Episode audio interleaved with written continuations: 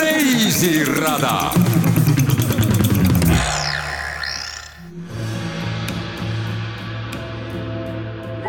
Wataheri maki, amabru maiken, yanumai yamaki, ore waro hira mamaki. Ihuru tabi patamag bihiyowi. Kami ama davi ko benao yanumami. No mami. Ei ata heri ma bihion kahwa maka.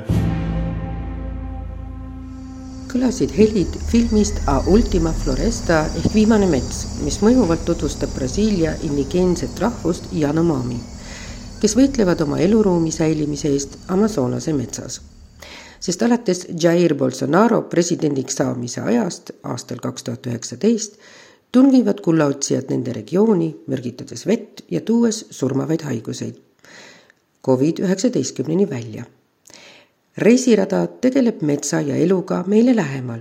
saatejuht Jaak Arin tervitab teid saatesse Reisirada hiljuti avatud metsanäituselt Eesti Rahva Muuseumis Järvselja ürgmetsa projekti alusel.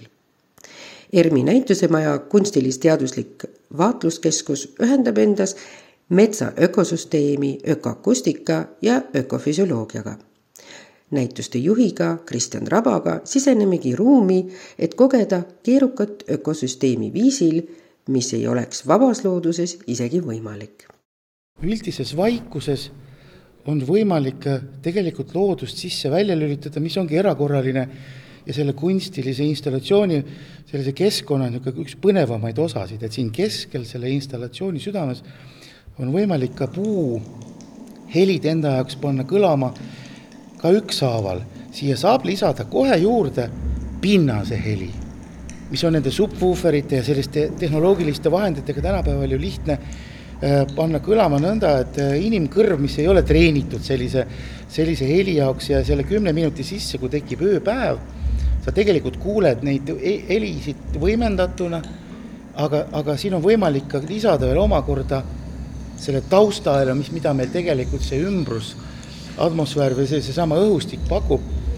ja, ja siis on omakorda on see tõesti, et sa, sa kuuled, kuidas äh, tegelikult mets ammutab seda, seda vett ja, ja, ja kuidas pinnas võib käituda ja tegutseda.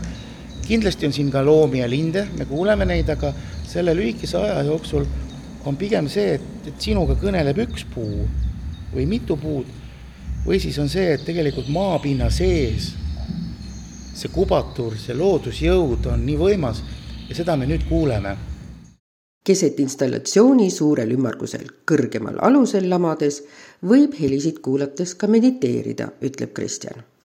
selle lühikese kümne minuti jooksul me kuulame sellisel kiirendatud moel neid helisid. aga noh, mõnes mõttes on see jätk ka meie uureliku aja äh, Taavi Tulevi poolt tehtud Äh, näituse helidele, kus, kus me kuuleme soome-ugri maailma helisid kogu selles, selle ulatuses, aga muuseum üldse väga erinevaid põnevaid helisid on näitustele ju asetanud.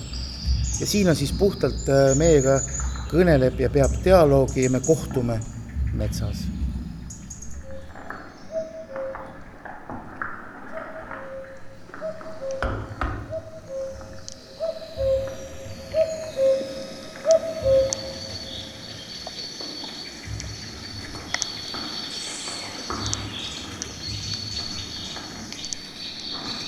puu on nagu inimese organism, tegelikult ta vajab ju, juua ja ta, tal on emotsioon läbi selle, ju see kõik muutub, kui esimesed päiksekiired jõuavad latvadest juba juurteni. ja see tohutu jõud, mida tegelikult see puu ju endasse noh, imeb ja ta võtab seda, seda, seda juue, seda, seda vett, et see on kõik nagu liikumine, et tegelikult loodus on üks suur-suur liikumine ja see on tehtud, on, on tehtud siin nagu kuuldavaks ja see toob esile küsimusi ja huvi, et mis need seal veel on, et see paneb nagu kaasa mõtlema. puud võivad rääkida ka rohepöördest, ütleb Kristjan, palju rahulikumalt ja mõnusamalt. kes tahab, see kallistab, kes tahab, see äh, kummardab, kes tahab, see kuulab ja kes tahab, see noh, on, loodus on, on vaba. millist puud oled sina kallistanud või kuulanud? Mina viimasel ajal kuulan Tamme, Tammekesi, sellepärast et mul on eriline suhe Tammega minu lapse nimeks sai Eik, mis on nagu eihe, natuke nagu sellist, sellist ürgset, ürgset nii-öelda lingvistilist, lingvistilistest metsast võetud puust inspiratsiooni, aga tammed on minu teema ja olen istutanud viimasel ajal just tammesid. kuidas näevad aga lapsed seda installatsiooni? Lastel ja noorematel inimestel loomulikult on, on, on meeled ärksamad, ta kuuleb kaugemalt ta liigutab ja tegutseb kohe kiiresti. võib-olla kui me siin perega saame pikutada ja tahame mediteerida, siis lapsed näevad ja kuulevad ja, ja jooksevad juba kiiremini ringi, nad saavad sellest installatsioonist kohe kiiremini aru ja nad ka leiavad koha, kus lisaks äh, kõigile nendele helidele on ka lõhnad. Ehk siis nad avastavad seda näitust palju kiiremini ja nii nagu, nii nagu metsaski, et tavaliselt ju laps äh, jookseb, jõuab kaugemale ja siis tuleb teda hõigata ja nagu Eesti Rahva Muuseumi püsinäitusel nüüd, hõikasin ja uurisin, kus siis laps jookseb, aga laps äh, tajub kogu seda, seda keskkonda siin äh, väga kiiresti ja ärksalt ja see teeb, see teeb jälle meele rõõmsaks, et see, see näitus toimibki sellisena hästi ka lastele. et külastajad küsivad, et mis hääled need on, et kas, kas ämblik kõnnib sellisena, kas vihmaussid tegelikult uuristavad auke sellisena ja, ja kas, kas see oli karu, kes kõndis. seda tõesti noh, lapsed ju küsivad ja, ja, ja minu poiss ka. kuulame seega siia vahele lastelaulu vihmausside köhimisest, sest kes teab, võib-olla on teraval kõrval võimalik ka seda kuulda. reisirada.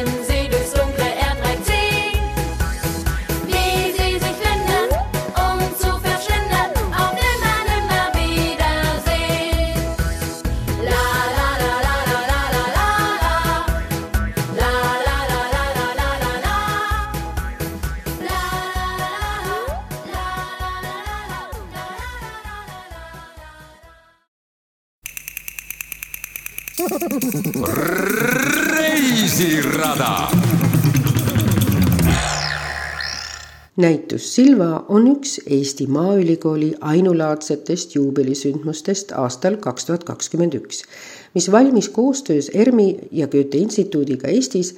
näitust käis avamas ka Goethe instituudi juht Ulrich Ribert Dafür haben wir den Titel gewählt World Wild Wald. Das soll eine Anspielung sein auf die drei berühmten Ws äh, World Wide Web, äh, weil wir es hier damit zu tun haben, sowohl mit unseren natürlichen Ressourcen uns zu beschäftigen, als auch damit, wie wir mit digitalen Hilfsmittel, mit digitalen Methoden, äh, gerade auch was die Energieversorgung und andere Dinge anbelangt, vorankommen. Das heißt, es geht um natürliche Ressourcen und um Digitales. Und äh, mit diesen beiden Aspekten spielen wir ein bisschen in dem Namen.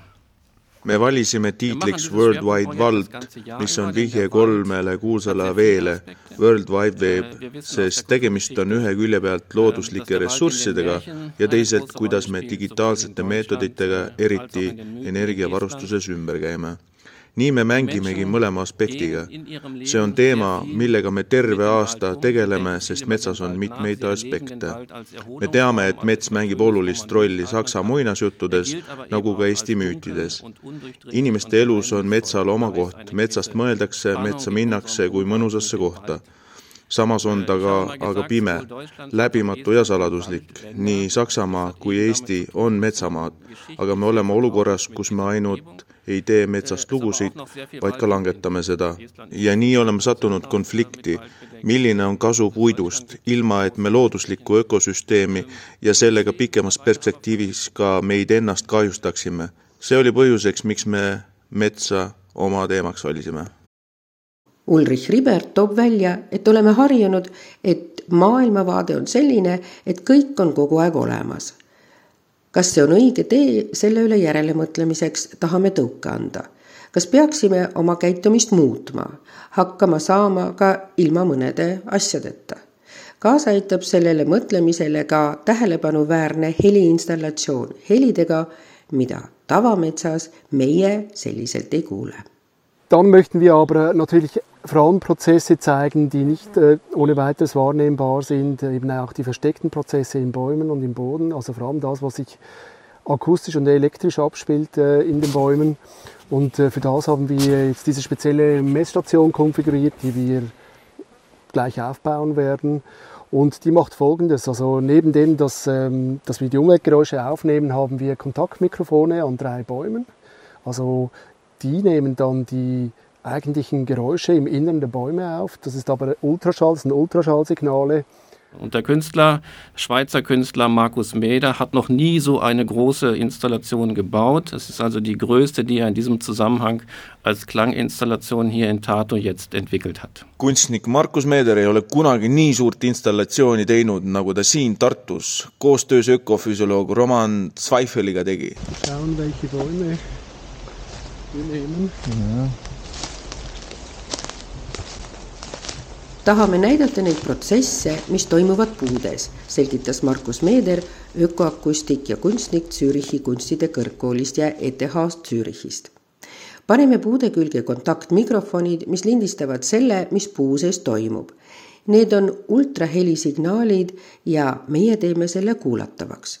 puudes on elektrilised impulsid ja see on oluline eksperimendi juures, et me kombineerime omavahel mitmeid lindistamismeetodeid, ka helisid maa sees, seal ringi liikuvatest olevustest ja loomadest ja sellest saab väga intensiivne elamus ökofüsioloogid saavad kergesti mõõta õhus ja pinnases, ütleb bioloog Roland Zweifel, kes on samas ka ökofüsioloog Šveitsi metsa, lume ja maastiku uurimisasutusest. aga oluline on ka teada, mis toimub puude sees. nii uurin ma ka Ulrich Ribertilt, mis oli see üllatav tema jaoks projekti juures diese berühmte Erfahrung, über die ich auch immer gesprochen habe, dass man hören kann, wenn ein Baum Durst hat, äh, das ist natürlich schon ganz spannend. Äh, und äh, man kann es, es ist jetzt keine irgendein Nonsens, sondern man kann durch Messgeräte, durch sehr feine Messgeräte ermitteln, äh, ob ein Baum zu wenig Wasser hat, er sozusagen Durst hat, dann knackt er nämlich. Das heißt, man kann durch Sensoren diesen Durst hörbar machen und das ist ganz spannend. Äh, kogemus, et on võimalik kuulda, et puul on janu, see on tõesti põnev. ja seda saab väga peenete mõõteriistadega mõõta. kui puul on janu, siis ta naksub nii et mõõteriistadega saab seda kuuldavaks teha. see on tõesti põnev. ma ei ole seda enne kuulnud, see oli üllatus, aga kuuldavaks saab teha ka mitmeid muid helisid, ka seda, mis pinnases toimub. ja seda ka, mis puutüves kuulda on, näiteks kuidas mahl mööda tüve liigub, kiirelt või aeglaselt. see on teaduse jaoks oluline. selle installatsiooniga saab see ka meile kuuldavaks. see on midagi, mida muidu kogeda ei saa. me kuuleme küll linnulaulu, aga ka seda, mida me enne iial kuulnud ei ole see niinimetatud soundscape, mis loob ettekujutuse, kui kompleksne ja peen ja terviklik on kogu ökosüsteem, ütleb Ulrich Ribert. Soundscape, äh, die man so noch nicht gehört hat und die sehr spannend ist und uns wirklich klar macht, äh, wie komplex und wie feingliedrig dieses Ökosystem ist. Also wenn wir einen Baum fällen, äh, muss man sich schon klar machen, äh, was man da tut, was man da wirklich auch zerstört. Äh, und das wird deutlich, wenn wir uns diese vielen Facetten in der Klanginstallation klar machen. ja keele peale tuli kohe küsimus, kas tunne metsas olles on nüüd teistsugune ja kas silmad ja kõrvad reageerivad nüüd ka teistmoodi? Mit anderen Augen, ja. Äh, äh, es ist mir klar geworden, äh, wie komplex ein Wald. Kui langetame puu, peame endale selgeks tegema, mida me sellega teeme, mida me sellega lõhume ja selle heli installatsiooni kaudu on võimalik ettekujutus saada. teiste silmadega. kindlasti sai mulle selgeks, kui kompleksne see ökosüsteem on. teame, et metsas saab puhata ja õhk on jahedam. me ka kardame, siis naudime. ma näen metsa nüüd teisiti, mis kõik peab toimuma, et mets nii välja näeks. was eigentlich alles funktionieren muss, äh, damit ein Wald so aussieht und die Effekte hat, die er im Moment hat. reisirada ökoakustika ERMis toob meile metsa palju selgemalt silme ette. see on kolmesaja kuuekümne kraadine installatsioon, mis annab võimaluse mõista, kui palju on tegelikult helisid meie ümber ja kuidas nad kõik koos toimivad ja aimu annavad nii maapealsest kui maa-alusest tegevusest seega küsin ka, kas peaks need inimesed, kes metsa langetavad, ehk ka näitusele tulema, et ka nemad aru saaks, mida nende tegevus metsa langetamisel tegelikult tähendab ja endaga kaasa toob. Ja, das wäre schön, äh, wenn, wenn Sie kämen, wenn Sie sich das mal anhören, um sich klarzumachen, äh, wie komplex das ist. Diese Installation, um auch das klar zu sagen, ist kein generelles Plädoyer gegen die Nutzung von Wald, sondern wir müssen uns klar machen, wir sind in einem gesellschaftlichen Konflikt, nicht nur im Blick auf das Holz, sondern eben im Blick auf viele andere natürlichen Ressourcen. Und die Aufgabe besteht darin, sich klar zu machen, wie wollen wir mit diesen Ressourcen umgehen. ja see oleks tore, et nad aru saaksid, kui kompleksne mets on. tahan selgitada, et see installatsioon ei kutsu üles metsa mitte kasutama, meil on ühiskondlik konflikt, mitte ainult puit, ka teised ressursid vajavad selgust. kuidas tahame neid tulevikus kasutada, see peab mõistlik olema. aga selleks peame teadma, millega on meil tegemist mets on väga kompleksne ja väga keeruline ja kõigepealt tuleb mõista, kuidas ta toimib ja kuidas me seda kasutame või mitte. lühiajalistest lageraietest tuleks loobuda, vaja on pikaajalist strateegiat, mida kasutada millised on meetmed, kas istutada uut metsa, see kõik ei ole kerge. Saksamaal arutatakse seda ja kuulus autor Peeter Wohlleben, kes on ka Eestis tuntud, selgitab problemaatikat, millel põhineb tööstuslik metsa kasutamine. metsnik Peeter Wohlleben ütleb oma raamatus Puude saladuslik elu, et tuleb mõista, et puud on tundlikud olevused, kes suhtlevad omavahel ja ka meiega. ja me ei taha ju, et see päris tõeline looduslik mets jääks ainult meie muinasjuttudesse. Hänsel und Gretel gehen in den Wald. Das fällt einem dann natürlich sofort ein und da ist natürlich der Wald immer als Metapher für das Unheimliche, äh, wo dann Dinge geschehen, äh, die man im Vorhinein nicht so wusste. Das ist so ein Hintergrund von Unheimlichkeit. Und auch natürlich das Rotkäppchen äh, das durch den gefährlichen Wald geht, äh, sind solche Märchen, die einem natürlich einfallen. Hänsel ja Gretel tuleb kohe meelde. siin on mets metafoor, õudne, aga ka punamütsike, kes läbi ohtliku metsa läheb. ja Saksamaa must mets ongi pime. seal on sellised puusordid, mis on teatud valguses täitsa tumedana tunduvad. peab meenutama, et see oli elamus, et metsas oligi pilkane pimedus, öösel ei näinud kätt silme ees.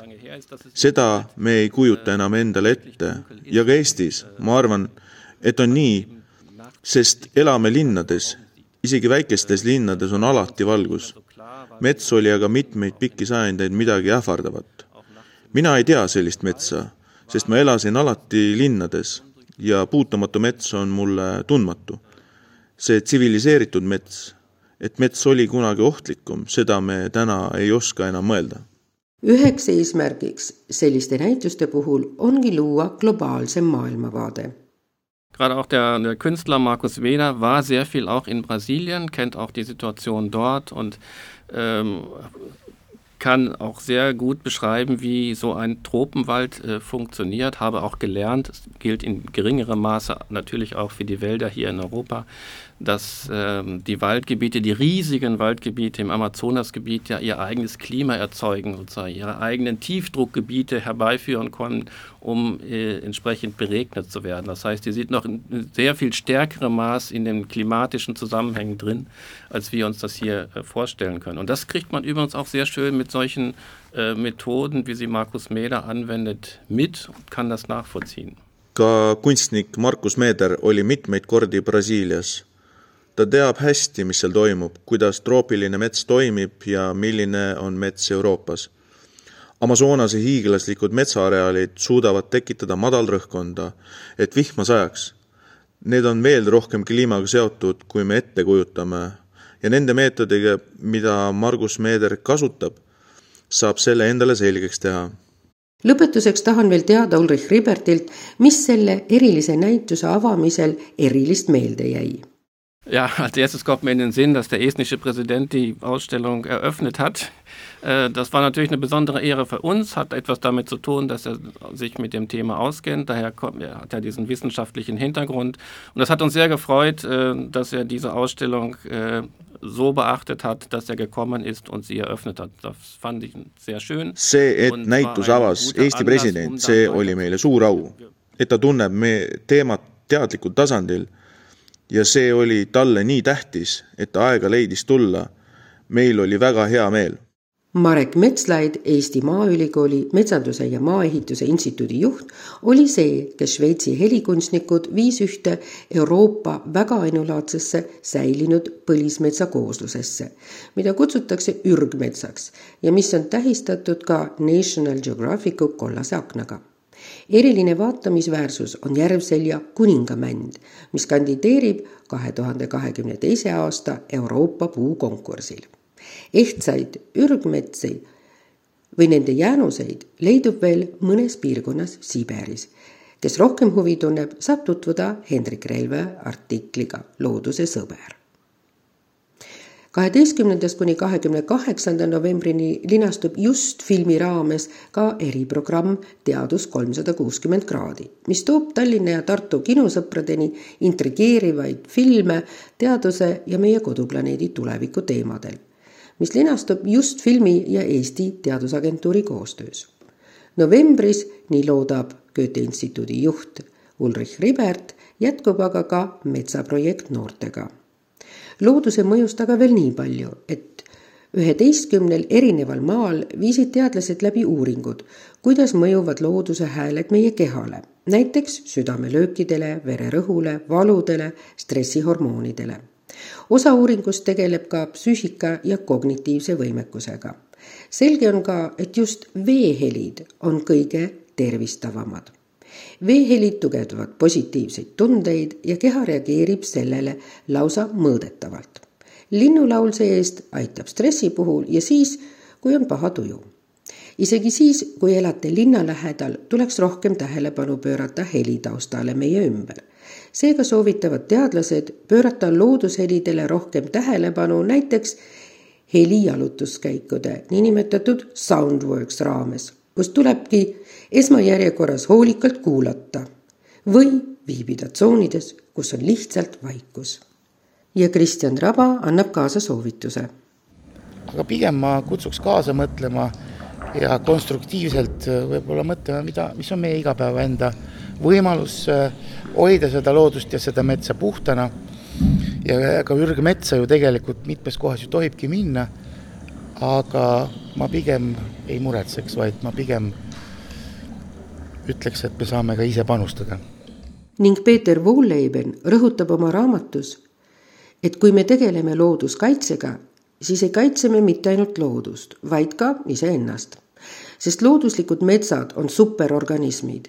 ühes peotäies metsas elab rohkem eluvorme kui inimesi tervel maakeral. ja lisab, metsa ei saa me lõplikult lõhkuda, ta tuleb ikka ja jälle tagasi. tore oleks ainult, kui ka meie siis veel olemas oleme. saate tehnilise külje eest vastutas Veiko Rebane.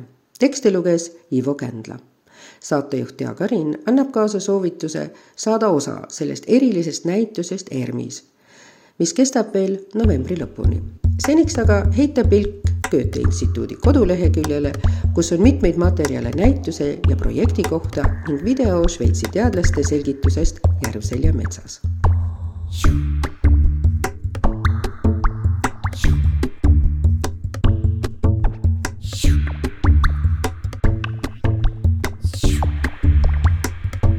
heinakõrs kasvanud üle pea, täna küll heina